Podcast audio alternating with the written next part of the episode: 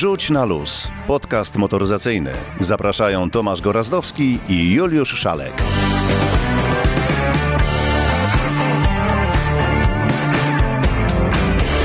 Dzień dobry, dobry wieczór. W końcu nie wiadomo kiedy to pójdzie. 154 odcinek naszego podcastu. A co ty masz taki dobry humor dzisiaj? Mam dobry humor, ponieważ wyjeżdżam. A, to to jest powód twojego dobrego humoru, że nie będziemy się widzieć przez, uwaga, uwaga, czy siedzicie wszyscy? Trzy miesiące? Nieprawdą jest, że nie będziemy się widzieć 3 miesiące. Przez 3 miesiące może mnie nie być, natomiast jest szansa i musimy tu zdradzić tajemnicę, że przyjedziesz tam, gdzie będę, więc nie będziemy się widzieć raptem dwa miesiące, powiedzmy. Tak, pozdrawiam moją żonę z tego miejsca. Pozdrawiam ja również wszystkie kobiety tego świata, bo męska rzecz być daleko. A kobiecą... No właśnie, więc w związku z tym taka sytuacja, Panią Majewską pozdrowimy. Bardzo mi się podoba ta piosenka. ale chcielibyśmy Wrócić do motoryzacji, tak.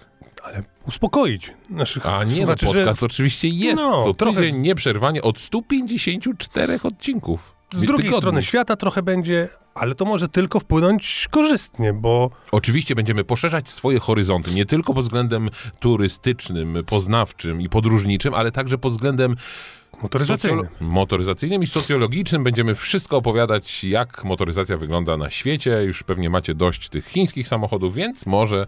Aha, akurat tam dużo chińskich samochodów jeździ, więc będzie o czym Ale do góry nogami jeżdżą. Tak, i, i jak jest ciemno tu, a jak jest jasno tam. To prawda. No więc, y, żeby tutaj To zaczniemy od chińskich samochodów, co? bardzo proszę, to znaczy, że ruszamy do Genewy. Co ciekawego w świecie moto? Powiemy o Genewie generalnie, ogólnie kilka spostrzeżeń, bo mieliśmy okazję być w Genewie, przypomnę, a to za chwilę przypomnę, bo to tylko są zapowiedzi. Mieliśmy okazję być. Mieliśmy No tak, być, akurat tak. mieliśmy. Powiemy o największych nowościach na targach w Genewie. Zawsze cały świat czekał na te nowości. Tych dwóch, tak? No, Je, ale- tak, jednej. No. no nie, dobrze, było kilka, było kilka. Powiemy także o chińskich nowościach. Chińczycy akurat dopisali, ale może Fiata nie było. Ale powiemy o nowościach, które zapowiedział Fiat, bo zapowiedział sporo ciekawostki, sporo ciekawych modeli w kontekście małych samochodów, a przecież z małych samochodów Fiat jest najbardziej znany. O dziwo, powiemy dzisiaj również o obniżce, bo z reguły mówimy o podwyżce. No więc dzisiaj też będzie trochę o obniżce. Obniż, obniżce czego?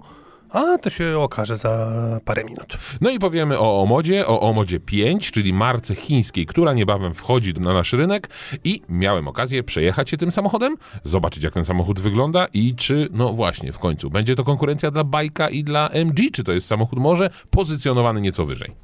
Mister Okurowski opowie o technikaliach w francuskich samochodach, które właśnie tam w Genewie były. Antoni zabierze nas y, na przejażdżkę w historię. Cofniemy się, zobaczymy jak daleko w y, przeszłość. Jak się uda, będzie też o motocyklach, bo przecież nareszcie jakaś taka pogoda, że już wszyscy odpalili swoje maszyny. No to nie wiem, w Genewie 14-15 stopni, więc nie wiem, co ty narzekasz na pogodę. Właśnie nie narzekam, mówię, że już się zrobiła dzisiaj taka A, tak motocyklowa. dzisiaj przyjechałem, to mgła, deszcz i 7. To- Ale, jak będzie, ale jak będzie czas, to powiemy, y, czyli będzie test i powiemy także o, żeby nie było tak miło do końca, no o niemiłych tematach w motoryzacji. Y, są tematy niemiłe dwa. U. No to zaczynamy w takim razie od y, no, najważniejszego tematu. Wróciły targi, targi motoryzacyjne, targi w Genewie, targi, które wielokrotnie odwiedzaliśmy i powiem więcej, lubiliśmy. No to ruszamy. Lubiliśmy, bo mimo tego, że było tam najwięcej nowości, które Może strzeliwały właśnie się... dlatego lubiliśmy. Tak, ale było tam dużo nowości, ale były takie kompaktowe, łatwo było to wszystko przejść, te kilka hal. Ale, ale, no właśnie, cały świat motoryzacyjny, bo najpierw były na początku roku targi w e, Detroit. Detroit padło już dawno temu, więc te targi przestały istnieć i później ta Genewa się broniła, no ale czasy pandemii spowodowały, że Genewę odwołano, a później targi w Genewie, co y, niejednokrotnie wyśmiewaliśmy, odbywały się gdzie? W Katarze.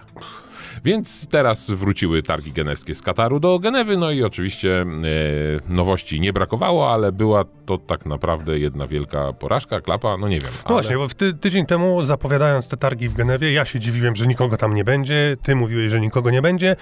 No i faktycznie mało kto był. O, No to tak wymieńmy, bo mamy na to czas, bo były tak naprawdę trzy znane marki. To była Dacia, to było Renault I Isuzu. I Isuzu. Okazało się, że jest Isuzu. Yy, No ale były też trzy ważne marki, ważne, może nawet ważniejsze z naszego punktu widzenia, bo to było MG, które pokazało... Czemuż to z naszego punktu widzenia No bo, być to MG, ważniejsze? no bo niedawno MG zadebiutowało na naszym rynku i wyobraź sobie, że z pośród siedmiu samochodów MG na stoisku MG był tylko jeden, ten, który jest u nas w Polsce oferowany, a to znaczy, że portfolio marki jest zdecydowanie większy i tam była premiera, niepozorna premiera jednego bardzo istotnego samochodu, który latem będzie u nas również dostępny, a mowa o kompakcie, czyli MG3. Ale oprócz tego y, do Genewy Syke Motor, właściciel marki MG, przywiózł zupełnie nową, nieznaną markę w Europie, markę IM. I to są samochody zdecydowanie bardziej klasy premium, większe, lepiej wykonane, więc te samochody także zafunkcjonowały na targach w Genewie. Był Lucid amerykański, no i był Byt, który pokazał w Europie po raz pierwszy markę Yangwang, a dokładnie Yangwang U8. Ładnie się nazywają. A powiedz, te, ta marka, co to takie większe i bardziej luksusowe, to jak bardzo, IM jak bardzo luksusowe? Oj, bardzo luksusowe. Oczywiście o cenach nie ma tutaj na razie mowy, ale porównując te samochody, które już gdzieś samo, można spotkać na naszym rynku, to to jest odpowiednik zdecydowanie wyższy niż Tesli, odpowiednik NIO. E, Nie boję się powiedzieć, że to jest naprawdę samochód, samochód klasy premium i, co ciekawe, w Genewie została zaprezentowana e, praktycznie cała oferta tej marki, czyli mieliśmy LS7, e, mieliśmy e, L7, czyli to są suwy i sedany, po dwa z każdego, z każdego rozmiaru, więc jest w czym wybierać. Oczywiście te samochody były przedstawione w pięknym, białym, beżowym kolorze, także w środku, więc one wyglądają przecudnie. E, Ależ Jak to się musi brudzić. Niekoniecznie. Dzieciom powiązać ręce, psy do bagażnika i już masz sprawę załatwioną. Ale co chciałem powiedzieć, że za każdym razem możemy się śmiać y, z chińskich samochodów, nie powinniśmy już tego robić i faktycznie to są samochody, które są pozycjonowane nieco wyżej od tych, które są na razie oferowane u nas, nazwijmy to w takim kanale oficjalnym, z oficjalnym przedstawicielstwem i takie marki też, no niestety one nie będą jakoś super tanie, e, będą droższe, bo Chińczycy chcą konkurować jakością i wcale nie mówią, że to muszą być tanie samochody, więc tam są i y, naprawdę zaawansowane technologie. Wyobraź sobie, że taki samochód nie ma jednego lidara, czyli tego radaru bardziej skomplikowanego, tylko tam jest tych y, lidarów po kilka. Y, Są rozwiązania, które nie są znane na przykład u nas w europejskiej motoryzacji, no bo wyobrażasz sobie, że tylna kanapa jakby jest podzielona na trzy fotele, miejsca siedzące i ten jeden najważniejszy po prawej stronie to jest fotel kapitański. I to daje ci możliwość złożenia fotela pasażera z przodu i stworzenia sobie naprawdę olbrzymiej przestrzeni. Yy, A to już wygo- gdzieś było. Gdzie? W S-klasie? A, to tam mogłeś sobie tylko przesunąć. W Skodzie też mogłeś wyci- wyciągnąć środek fotela i Tak, to wyciągnąć prawda. nogi. To oczywiście y, nie przetrwało długo, bo normę i bezpieczeństwo NCAP się do tego czepiał. Tutaj mamy możliwość tego fotela złożenia. On wjeżdża tak naprawdę pod, mas- pod deskę rozdzielczą. No, no i mamy wygodną y, leżankę. Jakość wysoka, dobre mm, materiały, duże silniki, duże baterie, 100 kWh, więc to jest średnia taka, która, od której nikt nie odbiega. Ale wracając do MG, tej ważnej premiery y, z punktu widzenia naszego rynku. Wydaje się, że ten model ZS, czyli ten najmniejszy SUV w cenie 79 tysięcy złotych, to już po prostu yy, konkurencji naprawdę przysporzył kłopotów. To wyobraź sobie, że to MG3 no jako mały kompakt, segment B, gdzie Volkswagen zastanawia się, co zrobić z Golfem, gdzie Ford y, tak naprawdę pożegnał się już z Focusem i zapowiedział, że nie będzie tego samochodu, bo Europejczycy nie kupują tych aut już. MG wjeżdża całe na biało i pokazuje małe auto, zgrabne, jakby nie znaczek, to mógłbyś to przypisać Fordowi, Volkswagenowi, nie ma to znaczenia, Hyundaiowi czy Kii. Samochód bardzo fajnie wygląda, jest y, nieźle w środku wyposażony, dwa ekrany, dużo czujników, y, dużo systemów bezpieczeństwa i co najważniejsze, silnik hybrydowy, układ hybrydowy. Silnik 1.5, 4 cylindry y, o łącznej mocy 192-194 koni mechanicznych i to wszystko, ile to może kosztować? Musi być tańsze od tego y, suwa małego za 79 tysięcy złotych. Premiera już w tym roku. Chciałem też powiedzieć o tych MG, które w zasadzie, no jest na naszym rynku marka MG, ale z tymi modelami, których, e, których e, no, w, Genewie było ich znacznie więcej i te samochody, te MG też są zdecydowanie lepszej jakości niż te, które są u nas już obecne. Pamiętajmy, że MG y, nie jest to brytyjska marka, ale te chińskie MG to są już drugie, trzecie czasami generacje aut, więc naprawdę one są fajnie wyposażone, dobrze zrobione, jeśli chodzi o trwałość i gwarancję, no to też mają tutaj przećwiczone już wszystkie choroby wieku dziecięcego. Patrzę na wykres i widzę, że nic nie mówię. No właśnie, nic nie mówisz, a ja dopiero tylko mówiłem MG i M, a i M na przykład 7 ma taką kierownicę trochę wolantową jak w Tesli. Na przykład takie rozwiązania. Przechodząc dalej, o Lucidzie na razie może będę mniej mówił, bo to jest amerykański samochód, którego w Polsce no nie ma. Lucid R robi wrażenie i choć wygląda podobnie do na przykład takiego właśnie IM, czy do takiego MG9, mm, no O to czym on mówi? To, to widać, że to jest zupełnie trochę inna filozofia wykończenia wnętrza. Tam są inne materiały, ta linia jest zupełnie inaczej, deska jest zupełnie inaczej poprowadzona. Niesamowicie to wszystko wygląda. Bardzo fajną rzeczą zauważyłem, że chińscy producenci nie boją się eksperymentować z tymi dużymi szybami. Pamiętasz w Citroenie y, Picasso C4, C4, prawda?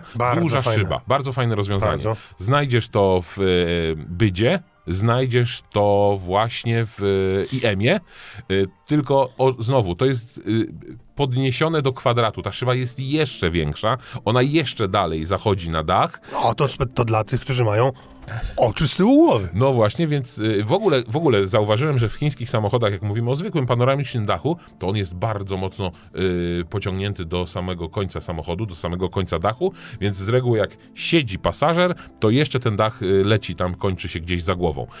Ale jeszcze ważna premiera, myślę, bo byt, który no na razie nie jest jeszcze obecny w Polsce, ale w Europie już całkiem w wielu krajach, zaprezentował model Seal U i uważaj, z y, też napędem hybrydowym, y, dual motor, to jest technologia, bo do tej pory mówiliśmy, że to są technologie gdzieś tam pochodne y, producentów europejskich, to to są już produce- to już są technologie chińskie, y, no i tak mocno Chińczycy się rozpychają, że są pewni swego, no i jako, że są pewni swego, to zaprezentowali także markę, która w Europie do tej pory nie była e, obecna. Mówię o marce Yangwang. I tu śmieszny zabieg. W Genewie pokazano model U9, czyli wyobraź sobie największego, najdłuższego Defendera 130. U8 mówiłeś wcześniej. U8, U8. A nie 9. Nie, U8. przepraszam. widzisz, nic nie A, mówię, dobrze, ale Dobrze, pilnuję. U8. y, Największy Defender 130 i jeszcze dodaj do niego kilka centymetrów wzdłuż, wszerz i wzwyż. Olbrzymi samochód, bardzo mocno klocowaty. Y, Te wszystkie kształty są mocno przerysowane. No w środku to jest po prostu, ktoś powie, że takie trochę to odpustowe, ale naprawdę jeśli chodzi o jakość wykonania tych samochodów, to pierwsza klasa, naszpikowane technologiami. Sami, sam taki Yangwang U8 ma 5 lidarów, ponad 20 kamer i mnóstwo czujników. I najzabawniejsza rzecz jest taka, że to jest pierwszy samochód chyba na świecie, nie, mówią, nie, nie mylić z amfikarami, który awaryjnie może płynąć. On jak Co to znaczy do wody, awaryjnie? jak wpadnie do wody, W albo Dubaju ostatnio tak przylało, że tam główną... no właśnie, to jak wpadnie do wody, albo zjedziesz normalnie z, ze slipa i wjedziesz tym samochodem do wody, to on nie utonie. On jest tak skonstruowany, Po chwili utonie. nie, nie utonie po chwili, on co powie więcej. On może pływać mimo braku napędu, y, czy jakiejś śruby, czy czegoś takiego. W felgach są zastosowane dziwne jakieś łopatki, które jak kręcisz, jak jedziesz i kręcą się koła, to one powodują, że samochód płynie maksymalnie z prędkością 6 km na godzinę. Dodam tylko, że to nie jest samochód elektryczny, to jest PHEV, czyli hybryda ładowana z gniazdka. Nieduża bateria. Tam nieźle 40 kopnąć km. może. Jak Nic nie zawilgnie. kopnie, nic nie kopnie, nic nie zawilgnie, to Oj, jest tam. szczelna konstrukcja. Tak, akurat. E, no niesamowicie, Chińczykom? niesamowicie to Wjechałbyś takim samochodem do wody? A czemu nie? Czyżby cię... Nic by cię nie no tak. I śmieszny zabieg, co chciałem powiedzieć. W Genewie pokazano właśnie U8 Yangwanga, a w Chinach pokazano super sportowy samochód, też tej samej marki. Też pływa? U9 O. nie pływa, wygląda jak McLaren, Lata. a tak naprawdę, uwaga, lepiej w niektórych momentach jak McLaren. Ma 1300 koni mechanicznych. No, cena jest kosmiczna oczywiście, ale to jest dopiero, y, wiesz, potęga, to jest do, dopiero manifestacja siły. Tak wyglądały targi A w lata? Genewie. nie, nie lata. Nie, tak, No, nie, nie lipa. lata. Jeden pływa, to No a tak już nie podsumowując, dodam tylko, podsumowując, trochę smutek, trochę żal y, patrzeć na te targi, gdzie tak naprawdę tylko dwie duże marki y, się zaprezentowały. Poza tym te hale są bardzo mocno okrojone, wiadomo jak nie ma co zrobić z przestrzeniami, to się je udostępnia na przykład na samochody klasyczne, samochody rajdowe, samochody wyścigowe, no bo coś czymś trzeba te przestrzenie wypełnić. Y, Trochę smutek i żal, bo chodziliśmy tam przecież nie raz i pamiętamy, gdzie te hale, gdzie te stoiska stały. Y, Coś, co nigdy nie miało miejsca, zawsze na targach w Genewie było ogłoszone, był ogłoszony laureat y, konkursu Car of the Year No i? i zawsze był ogłoszony w takim małym miejscu, gdzieś między tam szatnią a toaletą. Teraz, słuchaj, wielkie stoisko, wszystkie samochody finalistów, no godna oprawa tego konkursu. No, autem roku został kto? Renault Scenic. I to jest jedna z premier tego y, salonu, bo najważniejszą premierą było Renault 5. Teraz możemy płynnie przejść do właśnie Renault 5. No dobrze, słuchaj, bo Tomek Okurowski po prostu przebiera nogami, żeby powiedzieć o tym, co tam pod maską. Ale on od strony technologicznej i czy on powie, że na przykład w wyposażeniu y, takim dodatkowym y, Francuzi pomyśleli o, O bagietce. specjalnym koszyczku na bagietkę? A może powie? Może no, powie. może. A czy zauważył, że po otwarciu klapy bagażnika na lewej stronie i słupku C jest symbol kury? Bo Francuzi są bardzo dumni z tego samochodu. Tak, i są małe flagi na- na- Wszystkie elementy są produkowane lokalnie. Ale daj mu szansę, zobaczymy, co odkryje. Włącz, wyłącz, zresetuj. O technice Tomasz Okurowski. Dacia Spring i Renault 5. Oba samochody miałem okazję jeszcze przedpremierowo poznać z bliska na takich dość zamkniętych pokazach, więc czasu na poznanie samochodów było dużo. I nie ukrywam, że bardzo cenię tego typu właśnie przedpremierowe spotkania, bo po pierwsze, można spokojnie porozmawiać z inżynierami, e, a to już nie jest wbrew pozorom takie oczywiste na pokazach dla mediów. A po drugie, była tak kameralna atmosfera, że tego czasu na to, żeby samochody poznać z bliska i tak od podszewki, było bardzo dużo. Dlaczego taki wstęp? Ano dlatego, żeby wam przybliżyć, że świat współczesnych mediów e, albo znajduje się w takim strasznym biegu, że mamy jako dziennikarze niewiele czasu na poznanie samochodu, albo mamy właśnie takie kameralne imprezy, które bardzo, bardzo cenię, gdzie tego czasu nawet jest aż nadto. A skoro miałem tego czasu aż nadto, to poznałem z bliska dwie nowe francuskie nowości, właściwie poznałem je z bliska i y, jak to zwykle okór Zajmuję się przede wszystkim technologią, więc e, nie tylko przyjrzałem się, czy poznałem e, technologię akumulatorów, a w tej kwestii Francuzi wykonali duży postęp, ale już tak e, z taką moją manierą czy z przyzwyczajeniem zwróciłem też uwagę na systemy multimedialne. No ale po kolei. Na rynek wkraczają dwa samochody z technologią, której mogą pozazdrościć także nawet przedstawiciele segmentu premium, jeżeli chodzi o samochody elektryczne. No bo w takiej banalnej, taniej Dacia Spring na przykład jest do dyspozycji technologia V2L, czyli innymi słowy poprzez taką specjalną przejściówkę w najtańszym elektryku w Europie będzie można sobie po prostu zasilać e, różne urządzenia. No akurat na pokazie podłączono ekspres kapsułkowy, napiłem się kawy, była bardzo dobra. Zabrakło tylko cukru, no to taka właśnie łyżka dziegciu e, w beczce miodu. Niestety nie znam jeszcze odpowiedzi na pytanie, ile kaw można zrobić zanim samochód zaprotestuje, że tej energii było już zdecydowanie za wiele, ale więcej miejsca chciałem poświęcić na opowieść o systemach multimedialnych, bo to z jednej strony mamy bardzo taniego elektryka, czyli Dacia Spring i to tutaj mówimy o samochodzie w granicach około 20 tysięcy euro, czyli to będzie kwota nieco ponad 100 tysięcy złotych. I Renault 5, które będzie z kolei jednym z najtańszych elektryków, ale nie najtańszym marki Renault, bo w drodze jest jeszcze Twingo, a Renault 5 e, to już mówimy o samochodzie, który będzie, którego cennik będzie startował od kwoty powyżej 25 tysięcy euro, tak mniej więcej około 25 tysięcy euro, więc e, no, w przeliczeniu na złotówki to będzie zdecydowanie znacząca różnica pomiędzy Dacia Spring a nowym maluchem, który kradnie serce. Oba te samochody wyposażono już w platformę z, opracowaną z wykorzystaniem Android Automotive i to takiego, gdzie i Dacia i Renault zafundowały sobie własne nakładki, więc ktoś, e, kto już zna Android Automotive z takich aut jak Re- Renault Megane, czy ewentualnie nawet modeli Volvo, to myślę, że nie pozna, e, że ma do czynienia z samochodową wersją Androida. Ale na tym nie koniec. Okazuje się, że ten Android Automotive ewoluuje w bardzo ciekawym kierunku, bo oto w Dacia Spring, owszem, jest Android Automotive, ale na przykład nie mamy domyślnej nawigacji opartej na Google Maps, także niespodzianka spora.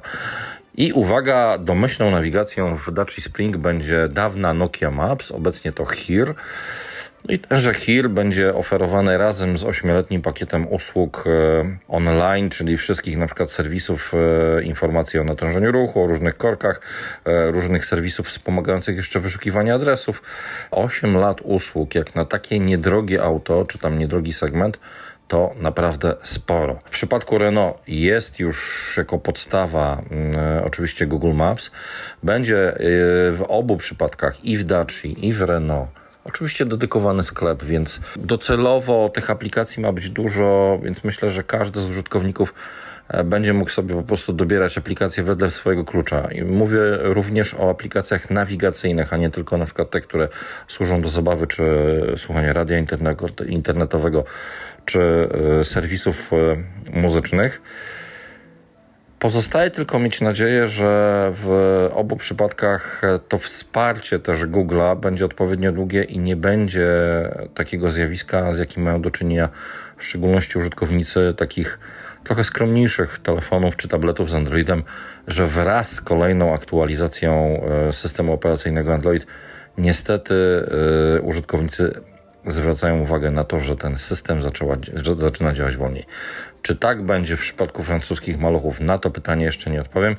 Jeszcze e, nawiążę do techniki akumulatorowej w Renault 5, bo tam z kolei oprócz tej technologii VLL, czyli do piątki także będziemy mogli sobie podłączyć na przykład ekspres do kawy albo ładowarkę do tego, żeby na przykład naładować elektronarzędzia. To również będzie technologia V2G, czyli Vehicle to Grid. Warto zapamiętać też ten skrót. Po co to oznacza? Ano na wybranych rękach. Na razie to będą tylko trzy kraje, czyli Francja, Niemcy, Wielka Brytania. Tenże samochód będzie można podłączyć do sieci po to, żeby oddawał energię do sieci. Czyli innymi słowy, energię, którą gdzieś sobie kupiliśmy, potem będziemy mogli ją sprzedać. No, y, jestem ciekaw tylko, jaka będzie różnica w kosztach. Nie zmienia to faktu, że samochody z technologią oddawania energii do sieci to jest świetne rozwiązanie, bo to jest przede wszystkim forma stabilizacji sieci energetycznej. Jestem bardzo ciekaw, na ile technikę V2G będą użytkownicy wykorzystywali na co dzień. Jest jeszcze wiele pytań. Y, na pewno jeszcze bez odpowiedzi jest pytanie, czy, a ewentualnie kiedy doczekamy się także technologii V2G w Polsce. Myślę, że to jest kwestia czasu. Natomiast e, nikt z przedstawicieli Renault jeszcze nie potrafi odpowiedzieć, czy ten czas możemy liczyć e, na przykład w miesiącach czy w latach. Pozostaje czekać, uzbroić się w cierpliwość. Jedno nie ulega wątpliwości. W szczególności na Renault 5 naprawdę jest na co czekać, bo ten samochód, kto kocha francuskie auta, z lat 70., 80., to po prostu może naprawdę skraść serce. Moje praktycznie prawie skradł. Prawie. Nie wiem, co Tomek odkryje. Ja wiem jedno. Patrzyłem na tą Renault 5, y, patrzyłem na tą piątkę i w swojej y, historii motoryzacyjnej miałem okazję jeździć drugą generacją piątki, czyli tą najbardziej popularną, nie tą taką starszą, tylko drugą piątką. Oczywiście za sprawą moich rodziców. Moja mama miała takie auto w wersji GT, ha, turbo więc to był olbrzymi zderzak, olbrzymie progi poszerzające, naprawdę auto fajnie jeździło. Mały silnik, ale to wystarczyło, bo to było lekkie auto. I w tym nowym projekcie, tej nowej piątki, znajduje te same proporcje, znajduje wiele wspólnych elementów, które jednak wyróżniały tamtą piątkę, i to ma być, to ma być naprawdę ważny samochód dla Renault. Tylko mam wrażenie, że znowu obijamy się o kwestię ceny, bo y, od jakiegoś czasu zaczęło się, bo Renault jest samochodem tylko i wyłącznie elektrycznym i od jakiegoś czasu mówiło się, że Europa potrzebuje taniego samochodu elektrycznego, czyli takiego około 20 tysięcy euro, do 20 tysięcy euro. No i okazuje się, że co? No niestety, nie będzie 20 tysięcy kosztowało y, Renault 5 jak miało, MG będzie kosztowało 25 tysięcy euro w podstawowej specyfikacji. Ale mówiłeś, czyli, czyli 30 tysięcy jak nic. No czyli... tak, tylko cała Europa mówi o potrzebie małego, taniego samochodu. Dlatego Chińczycy go produkują. Zgadzam się. No. No właśnie. Ja mogę jeszcze o Genewie troszkę. Ale zobacz, ja nic nie mówię. Bardzo Patrzę... tak, na- tak. Y, To jak ty nic nie mówisz, to ja skorzystam z tej okazji i Dacia z kolei pokazała też ważny samochód, bo y, pamiętasz Dacia Spring? To, to właśnie jest mały, tani samochód elektryczny, wymyślony do car sharingu, tylko Więcej niż 20 tysięcy? no właśnie ten samochód zawsze był najtańszy. On kosztował jak wchodził do Polski jakieś 70 tysięcy złotych. I to było fajne auto, tylko niestety było kiepsko, strasznie kiepsko wykonane i jeszcze gorzej jeździło. Bo tak naprawdę to był samochód przywieziony z Chin. Taki Samsung, który, y, no, zbudowany na wspólnej platformie i tak dalej. I do car sharingu nikt nie zwraca tak naprawdę na jakość wykonania, na jakość plastików i tak dalej, ale niestety ten samochód trafił do sprzedaży, bo jest potrzeba takiego samochodu, no i klienci zaczęli wytykać e, błędy i Renault wreszcie zrozumiało, bo tak naprawdę to jest druga generacja, można powiedzieć, bo taki drobny facelifting był. E, Wreszcie ten samochód wygląda w środku porządniej, wreszcie z zewnątrz ten samochód też wygląda nie jak e, tani blaszak, tylko jak samochód mały miejski. Ma mocniejszy silnik, 65 e, koni mechanicznych, ma niedużą baterię, bo to jest 40 kWh, ale w takim samochodzie wcale większa bateria nie jest potrzebna. E, Nie ma też e, możliwości szybkiego ładowania DC, takiego jakby się chciało, czyli gdzieś tam powyżej 100, no ale jestem w stanie zrozumieć, że kupują takie auto ci, którzy ładują ten samochód w domu, nigdzie tym samochodem daleko nie wyjeżdżają, więc no, żeby obniżyć cenę, to jakby ta technologia jest okrojona. I to jest bardzo fajny samochód. Jak chodziłem sobie i oglądałem nową Dacię yy, Sandero, to wyobraź sobie, że elementy deski rozdzielczej, kierownica to są dokładnie te same elementy, więc nie można tutaj narzekać już na słabą jakość. A swoją drogą Dacia Sandero wreszcie wygląda bardzo fajnie. No i też Dacia y, Sebastiana Lewa się pojawiła, czyli Dacia Dakarowa. A Sandrider. Ale już krótko, co? No ale co tutaj krótko? Co to jest samochód? V6, 3 litry, 360 koni mechanicznych, 560 Nm, jeśli dobrze pamiętam, podwójne turbo, yy, oczywiście napęd na cztery koła. No i mam wrażenie, że jak Sebastian Leb bierze się za występ w Dakarze takim samochodem, no to on jest pewien, że ten samochód przynajmniej w pierwszej dziesiątce się znajdzie. Liczę na podium. No, wcale bym tak optymistycznie do tego nie podchodził, bo tegoroczny Dakar pokazał na przykład, że Nasser al Attiyah też teoretycznie tak można byłoby powiedzieć, że jak Nasser się za coś bierze, to... No a, tak, i prawda się, jest że- taka, że Sebastian Lem niczego już nie musi, ale z Dacią tutaj yy, chce współpracować. No cię jest właśnie, no jest właśnie to ta francuska duma z francuskiej motoryzacji. Dacia Renault 5. No i jeszcze na dodatek właśnie ten Car of the Year, Scenic, Rafale, no i też trochę takie Renault, wiesz co, zapychało pustą przestrzeń na targach, bo pokazali na przykład skuter śnieżny, łódkę, deskę do wody, no nie wiem, po co to komu. Panie Juliuszu, ale alfa była piękna. Taka, taki totem. Y, Totem to jest taki tuner niezależny.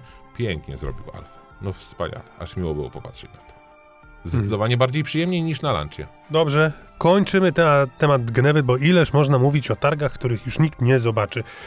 Ale A skoro... tu, a tu ja tylko dodam jeszcze, właśnie to jest ważne. się nie odezwę. To jest ważne, co powiedziałeś. Widzisz, jak nie powiesz, ale jak już coś powiesz, to mądrego. A, prawda? Mam wrażenie, że było takie mocne oczekiwanie, że te targi, które wróciły wreszcie do Europy, będą mocno miały pozycję, będzie tutaj dużo się działo. I teraz jak ktoś sobie pomyśli, o, wreszcie te targi wróciły, no ale taka lipa na nich była, no chyba faktycznie nie ma co inwestować w targi motoryzacyjnej, więc no, nie wróżę tutaj e, przyszłorocznych targów w Genewie, nie wróżę też e, jakichś znaczących premier w Monachium, o Paryżu to już możemy zapomnieć, więc chyba Co, jesteśmy... Maciej Wróż jesteś? żebyś- Chyba jesteśmy skazani na Szanghaj wymienny z Pekinem, Dubaj.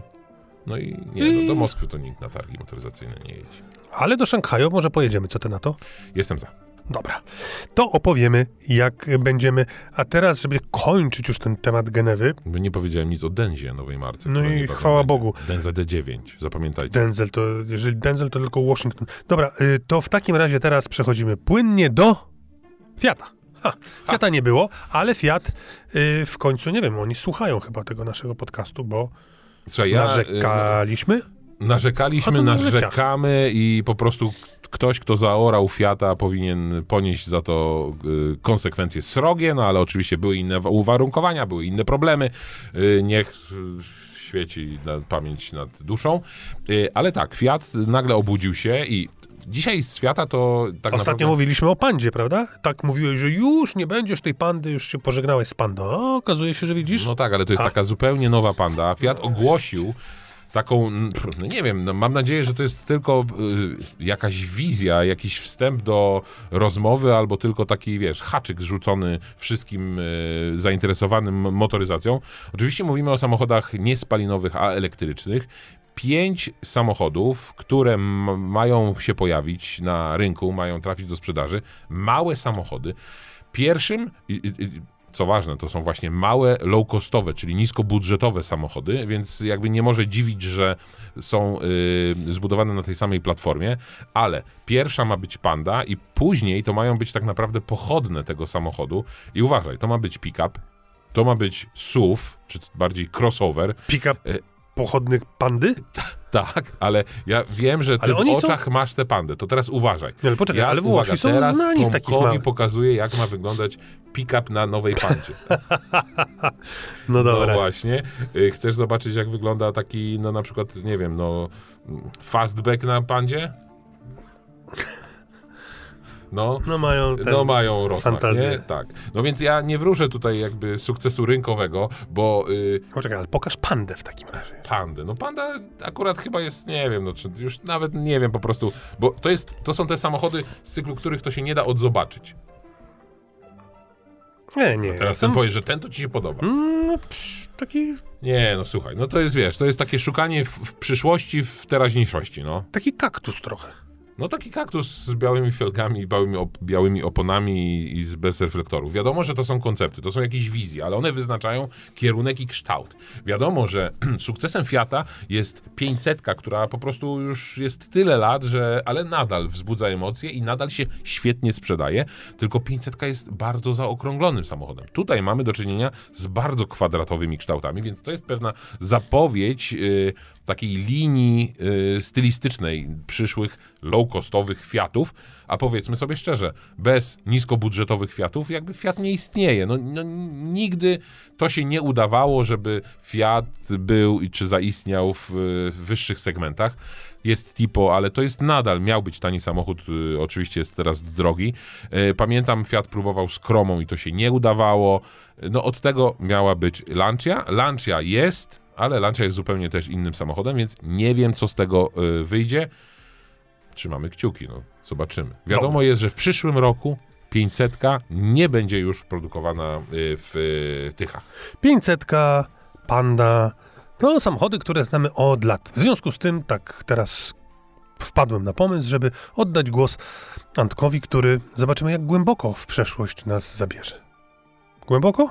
Bardzo. No to, to zobaczymy. To się naprawdę wydarzyło w świecie motoryzacji. Ostatnie tygodnie, na dobrą sprawę miesiące, zdominowały nam tematy bardzo odległe i mało przyziemne. Dziś zjeżdżamy windą na parter, ale wcale nie oznacza to, że wspomniany będzie nudny. Dziś po raz kolejny na tapet bierzemy Volvo, bo niezależnie od sympatii czy antypatii, nie można odebrać tej marce pierwiastka wyjątkowości. Z jednej strony przez lata były to samochody względnie nudne, ale przy tym bardzo wyraziste. Kanciaste kształty i olbrzymia pojemność były niewątpliwie bardziej sexy niż w multipli. Co do zasady, miały być znakomitym wehikułem dla cywilów, z drugiej zaś strony zdarzały się przypadki, gdzie Volvo tworzyło modele nie tyle usportowione, ale po prostu sportowe. Długowieczność jednostek napędowych z Red Block na czele to również kolejny z asów Volvo, którymi mogli się chwalić. No i nie zapominajmy o bezpieczeństwie, bo w tym zawsze byli pionierami. Trzypunktowe pasy bezpieczeństwa, system wykrywania pojazdów w martwym polu czy SIPS, czyli system konstrukcji chroniącej pasażerów przed zderzeniem bocznym. Nie sposób oszacować, ile dusz zostało uratowanym dzięki inżynierom Volvo. Może również z uwagi na to, że ich proces przygotowawczy hmm, nowych modeli zawsze był po prostu długi. Prace nad stworzeniem 850, bo to o nim dziś trochę opowiem, rozpoczęto w 1978 roku, a zaprezentowano go w 1991. Zwykłe, cywilne 850 w wersji kombi i w wersji sedan. A że marka miała ambicje, by zaprezentować się gdzieś w sportowej rywalizacji, to wysłali 850 na wyścigi BTCC. Ktoś mógł wtedy pomyśleć, no pijani, pomylili wozy i wysłali kombi, ale to nie była pomyłka pełna premedytacja i pokazanie środkowego palca światu z dopiskiem umiemy To, czego nie umiecie wy. Z uwagi na fakt, że sportowa odmiana 850 na wyścigach poradziła sobie świetnie, to Szwedzi postanowili uruchomić limitowaną produkcję 850 T5R. Miało powstać 2,5 tysiąca sztuk, ale pobyt przewyższył podaż i powstało 3000 więcej. A że popyt wciąż był i nie był zaspokojony, to uruchomiono już nielimitowaną produkcję 850 T5R, czyli cholernej gadziny, która po dziś dzień śni się dużym chłopcom po nocach, ale 850R. I było nieźle. Jednak ta limitowana edycja była naprawdę wyjątkowa. Auto dostało przedni splitter i tylny spoiler. Dostępne było jedynie w trzech kolorach, co bardzo je wyróżniało. Wyróżniało je również 17-celowe felgi, jedyne w swoim rodzaju. Ale co wyróżniało najbardziej ten model, to oczywiście jednostka napędowa, którą był pięciocylindrowy silnik montowany poprzecznie. Początkowo nie był demonem, bo wykręcał marne 170 koni, ale Volvo przeszło do sprawy mądrze. Skoro chcemy więcej, ale nie do końca się na tym znamy, to poprośmy o pomoc najlepszych. I poprosili Porsche, które zestroiło im ten silnik na 250 koni. A gdyby nie pięciocylindrówki Volvo, no cóż, wielu aut by dzisiaj zwyczajnie nie było. Z Fordem Focusem RS na czele. I co? Wciąż sądzicie, że Volvo jest nudne? Antek jakby pojechał do Genewy, to mógłby spędzić dużo czasu przy klasykach, ale, Ale on... Zapchaj dziury był cały jeden pawilon wystawiony klasykami. No tak, ale Volvo akurat nie było. No właśnie, to Chociaż Amazon jakiś tam się wypełniliśmy, wypełniliśmy lukę Volvem. Dobrze, to teraz czas na Omodę. Co ty na to? Ależ taki krótki. Gorąca premiera. Omoda, y, o, o modzie na razie jest jak o Yeti. Wszyscy mówią, w Polsce ma być, już są nawet jakieś informacje prasowe, jest tu jakiś oddział, się buduje, szukają dealerów, ale samochód no tylko na obrazkach. Więc miałem okazję pojechać do Hiszpanii, gdzie właśnie Omoda y, debiutowała, bo rynek hiszpański ma być takimi wrotami o, dla Omody y, do, y, do Europy. I no i co? No i właśnie, no i okazuje się, że ten samochód jest y, bardzo podobny do samochodów, y, no nie chcę powiedzieć budżetowych, ale średniej klasy, czyli do, podobny do MG i do bajka. Wyróżnikiem tego samochodu miał być silnik. Przynajmniej ja tak sobie to w głowie gdzieś tam poukładałem, bo tutaj był silnik 1.5, 4 cylindry turbo, ale 197 koni mechanicznych. To przy tych silnikach w bajku, które mają gdzieś tam około 170-160 koni, to jest duża różnica. E, Wielkość tego samochodu to jest mniej więcej porównywalna z Beijingiem 5, czyli Ale trochę tak mówisz o RAV4. Beijingu, o bajku, o RAV4. strajku, a przecież nikt tego jeszcze nie widział i nikt nie wie, jak to wygląda, no. Powiedz, Tak? że jest podobny na przykład do, do Golfa. niczego. Nie, no absolutnie. To jest SUV średniej wielkości, taki bardziej niż y, Nissan Qashqai, wielkość. No i widzisz, CHR, można, można. E, można. Bardzo obłe kształty. Mm, Główny zarzut do wszystkich chińskich samochodów jest taki, że ten język stylistyczny jest bardzo podobny. Obłe kształty, ten pasek LEDowy z tyłu ciągnący się przez całą szerokość nadwozia. A przed chwilą mówiłeś, że pinda, przepraszam, że, że panda kwadratowa i w ogóle, że tu, to, to teraz Tutaj masz ja kwestię, odwrócenie, masz Kwestia, to jest wszystko kwestia gustu. Jednemu się podoba, innemu się nie podoba. To jest naprawdę bardzo kwestia indywidualna. Ważne są proporcje i Omoda jest proporcjonalna, ale nie można powiedzieć, że na przykład Bike czy MG nie jest proporcjonalne. Nie. Omoda ma być trochę bardziej lifestyle'owa. Tutaj na przykład y, uwagę zwraca grill, który nie ma charakterystycznej ramki gdzieś tam wkomponowanej w przedni zderzak, tylko ten grill wylewa się tak naprawdę na cały przedni zderzak. Ładnie zaakcentowane są reflektory, są tam jakieś srebrne dodatki i tak dalej. No nie podobają mi się Ale ty bardzo mówisz o samochodzie czy o sukience? w samochodzie. No ale właśnie... Od przodu, fa- frontem, Dobrze. frontem. A jak to jeździ? Fajnie jeździ? No to najpierw każesz mi powiedzieć, jak wygląda, później mi przeskakujesz, jak to jeździ. Więc bo już mówię o tym, jak ile wygląda. można, no. I teraz powiem, jak wygląda w środku. I w środku, w środku, i tutaj jest ważna uwaga, bo w środku ma bardzo ładne materiały, bardzo przyjemne w dotyku, dość szeroki tunel środkowy. I y, dwa ekrany oczywiście. I uważaj, No uważam. język polski w menu. Można sobie przestawić, przestawiłem, sprawdziłem, nie ma błędów, jak na przykład niektórzy nie będę wymieniał tutaj, bo posądzony będę o złośliwość, że tam jakieś skróty typu przyt, wyt, wejdź, wszystko ładnie przetłumaczone.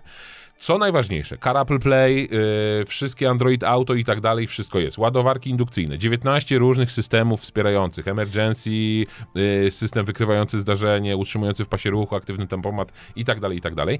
Yy, nie znamy ceny, dokładnej, ale oczywiście ta cena będzie poniżej 130 tysięcy złotych, bo to ogłosił producent i zacząłem od tego, że Omoda złapała pewną zadyszkę, jest jak Yeti, wszyscy o niej wiedzą, ale kiedy będzie w Polsce? Wreszcie, kiedy będzie w Polsce? No i tutaj jest niespodzianka, bo na korytarzu spotkałem prezesa Cherry Group i go zagadnąłem. Cześć Chang Wang.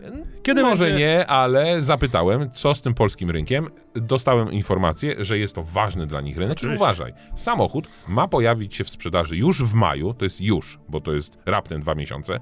I uważaj, Uważaj. polski rynek jest dla nich na tyle ważny, że w Polsce powstaną trzy centra logistyczne yy, i trzy magazyny części, które będą obsługiwać ten rejon Europy. Bo najpierw będzie premiera w Hiszpanii, później we Włoszech, później w Wielkiej Brytanii i w Polsce. Taka jest kolejność i najpierw pojawi się spalinowa wersja, później będzie wersja elektryczna, która ma kilka zmian. A jak jeździ? Jeździ, jeździ Krótko. Tak, fajnie, nie fajnie. fajnie, O. nie czuć tej mocy. Nie czuć. Nie czuć tej mocy. I to jest taki w sumie główny y, zarzut do tego samochodu, że spodziewałem się, że te 197 koni będzie bardziej dynamiczne, ale niestety nie. Więc jest to To porównywalne. kuce były. No może. Dwusprzęgłowa skrzynia yy, nie jest taka szybka jak na przykład w Volkswagenie. Można by było tutaj popracować nad oprogramowaniem. Nie jest to samochód dla dużych osób, dla mniejszych zdecydowanie tak. Po prostu yy, ta część, gdzie są pedały, ona jest mocno yy, przesunięta w stronę środka kabiny, w stronę kierowcy, więc no po prostu ja siedziałem trochę z nogami podkurczonymi, ale jest cicho, jest bardzo komfortowo, yy, chociaż to zawieszenie jest dość sztywne. Szczególnie jak stoi. Nie, jak jedzie. Jest cicho jak jedzie. Naprawdę te materiały wyróżniają się spośród na przykład MG i na przykład bajka. Fantastycznie. Więc jak ktoś, jak ktoś chce i nosi się z zamiarem zakupu chińskiego auta, warto poczekać do maja, żeby sprawdzić też Omodę. Omodę 5. To chyba, tak. No. Cisza jest w środku. I cisza nareszcie zaległa również A, u nas. I bo wiesz, wiesz, jak jest system audio?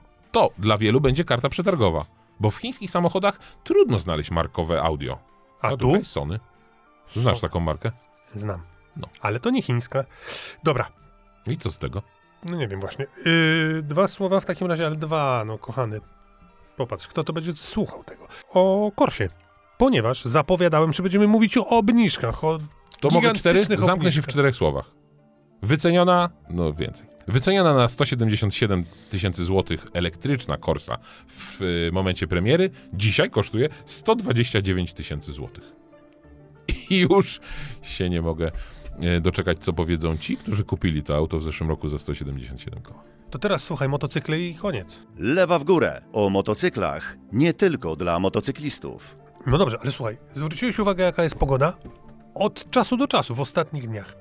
Bo normalnie jest klops, po prostu leje, zimno, brzydko i tak dalej. Ale ostatnie dni były tak fantastyczne, że motocykliści postanowili odpalić swoje maszyny. Czy ty Mam zrobiłeś wrażenie, tak? że mało Renault 5 powiedziałem.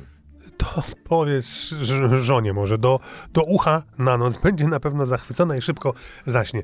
Więc teraz oddajmy głos gamoniom. Cóż też oni wymyślili? Rozmawialiśmy niedawno w y, grupie znajomych i pojawił się temat wyboru motocykla dla motocyklisty początkującego, który dopiero zaczyna. I tutaj y, wiele różnych podejść do tematu, że tak powiem, bo jedni powiedzieli i wymyślili sobie, że najlepszy motocykl to jest motocykl używany i najlepiej już troszeczkę poobtłukiwany, bo go nie żal, bo się i tak na pewno przewrócę do jazdy, przy nauce jazdy. Druga szkoła mówi, żeby lepiej y, wziąć motocykl zupełnie nowy e, i na gwarancji, bo jeszcze nie mam takiego doświadczenia y, od strony mechanicznej, a ten nowy motocykl powinien być w dobrym, a właściwie doskonałym stanie technicznym, więc nie będę miał problemów technicznych przy nauce jazdy. To ja Ci powiem, Szymon, że nie ma jednej idealnej drogi na wybór motocykla. Dużo zależy i ja doradzam podejść do sprawy bardzo indywidualnie, bo trochę jest tak, czy to jest dla młodego chłopaka, jaki on ma temperament, czy to jest dla dziewczyny, Czy to jest dla kogoś starszego, kto dopiero rozpoczyna drogę, ale ma dużo większą świadomość i jakby jest obarczony pewnym ryzykiem. Więc to nie jest takie łatwo odpowiedzieć sobie na te pytanie. Dużo zależy też od bu- od budżetu, Oczywiście. którym się jakby generuje. Bo troszeczkę cierpimy na taki, yy, tkwimy w takim stereotypie, że ten motocykl używany na początek to jest taki stary model Suzuki GS500, dwucylindrowy, nie za dużo mocy, około 50 koni i to jest właśnie, tylko że te motocykle dzisiaj mają już po 30 lat. Dokładnie, ale to jest taka e, teoria, która była przez pewien czas bardzo promowana. Tego GSA 500, tak? Że to był taki To był motocykl. to motocykl też szkoleniowy, większość Dokładnie, e, szkół dokładnie. jazdy jeździło na tych motocyklach i rzeczywiście od strony technicznej jest to fajny motocykl, tylko że jednak i stary pod względem technologicznym, no i też po prostu już metrykalnie stary.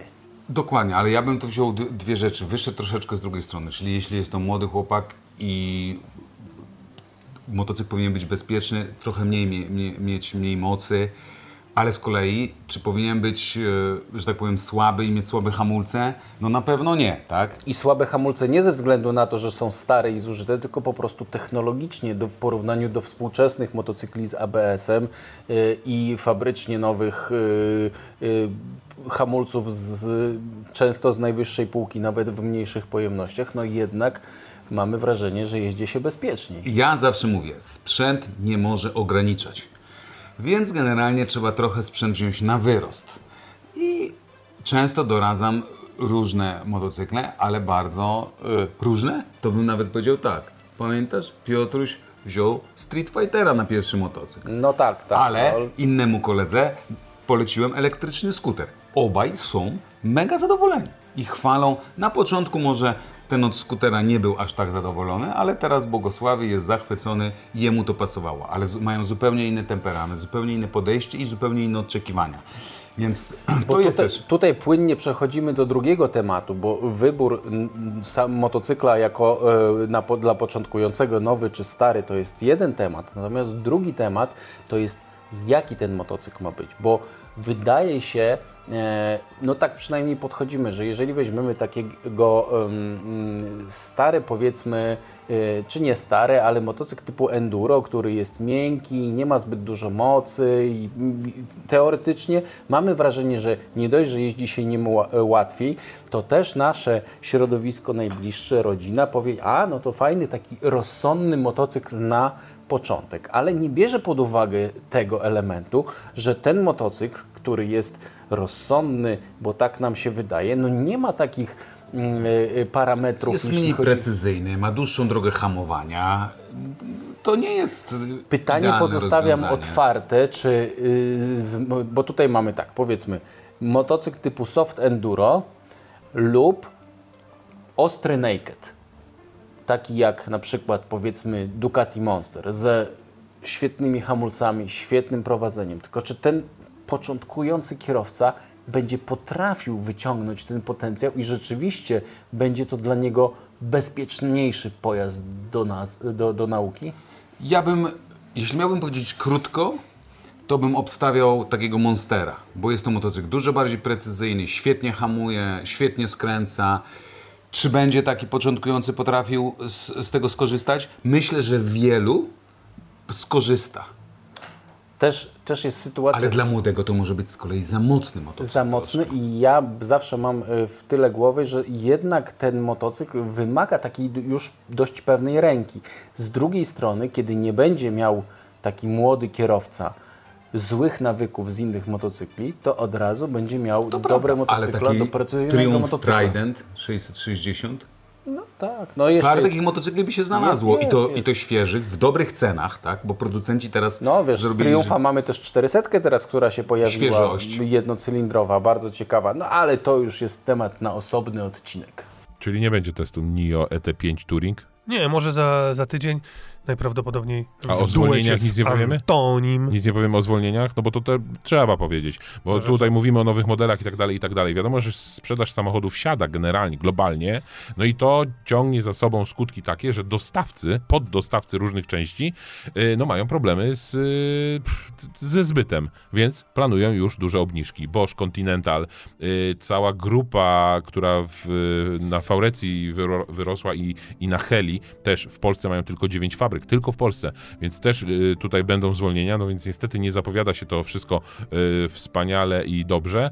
Y, I dla BMW też nadchodzą czarne chmury i czarne, mm, czarne scenariusze, bo okazuje się, że w latach 2010-2014 Afera znowu jakiś gate? no Dieselgate, no co ty myślisz? Za każdym razem mówię przecież, że to nie BMW, nie Volkswagen wymyślił tam magiczny pstryczek, tylko to dostawca tych pstryczków. Trzeci raz pytam, czy odpaliłeś swą maszynę? Skuter żony odpaliłem. O, no to coś. I przyjechałem nawet już po drodze publicznej. Nie padało. No to pięknie. To co, to zwijamy żagle. Ja Zwijamy. bym jeszcze o Renault 5 coś powiedział. No, Tak cały czas się zastanawiam. Żółty, zielony czy niebieski? żółty, oczywiście, że żółty. Niebieski, Williams, no ja, ty nic tu nie kojarzysz, nie pamiętasz. Żółty to żółty. No żółty to żółty, ale Williams niebieski, fantastyczny. Fantastyczny. Yellow Bahama. Y, posłuchaj, za tydzień Trochę za dużo tam piano bleka. z Antonim, on... Wszystko mu opowiem o, jest- o Renault 5. On jest bardziej miły niż ja, w związku z tym będzie ci łatwiej i pogadacie sobie. Także za Bo tydzień... ma szacunek przed starszymi. O, oczywiście, 155 odcinek naszego podcastu. Powiedzcie innym i do usłyszenia. Do usłyszenia.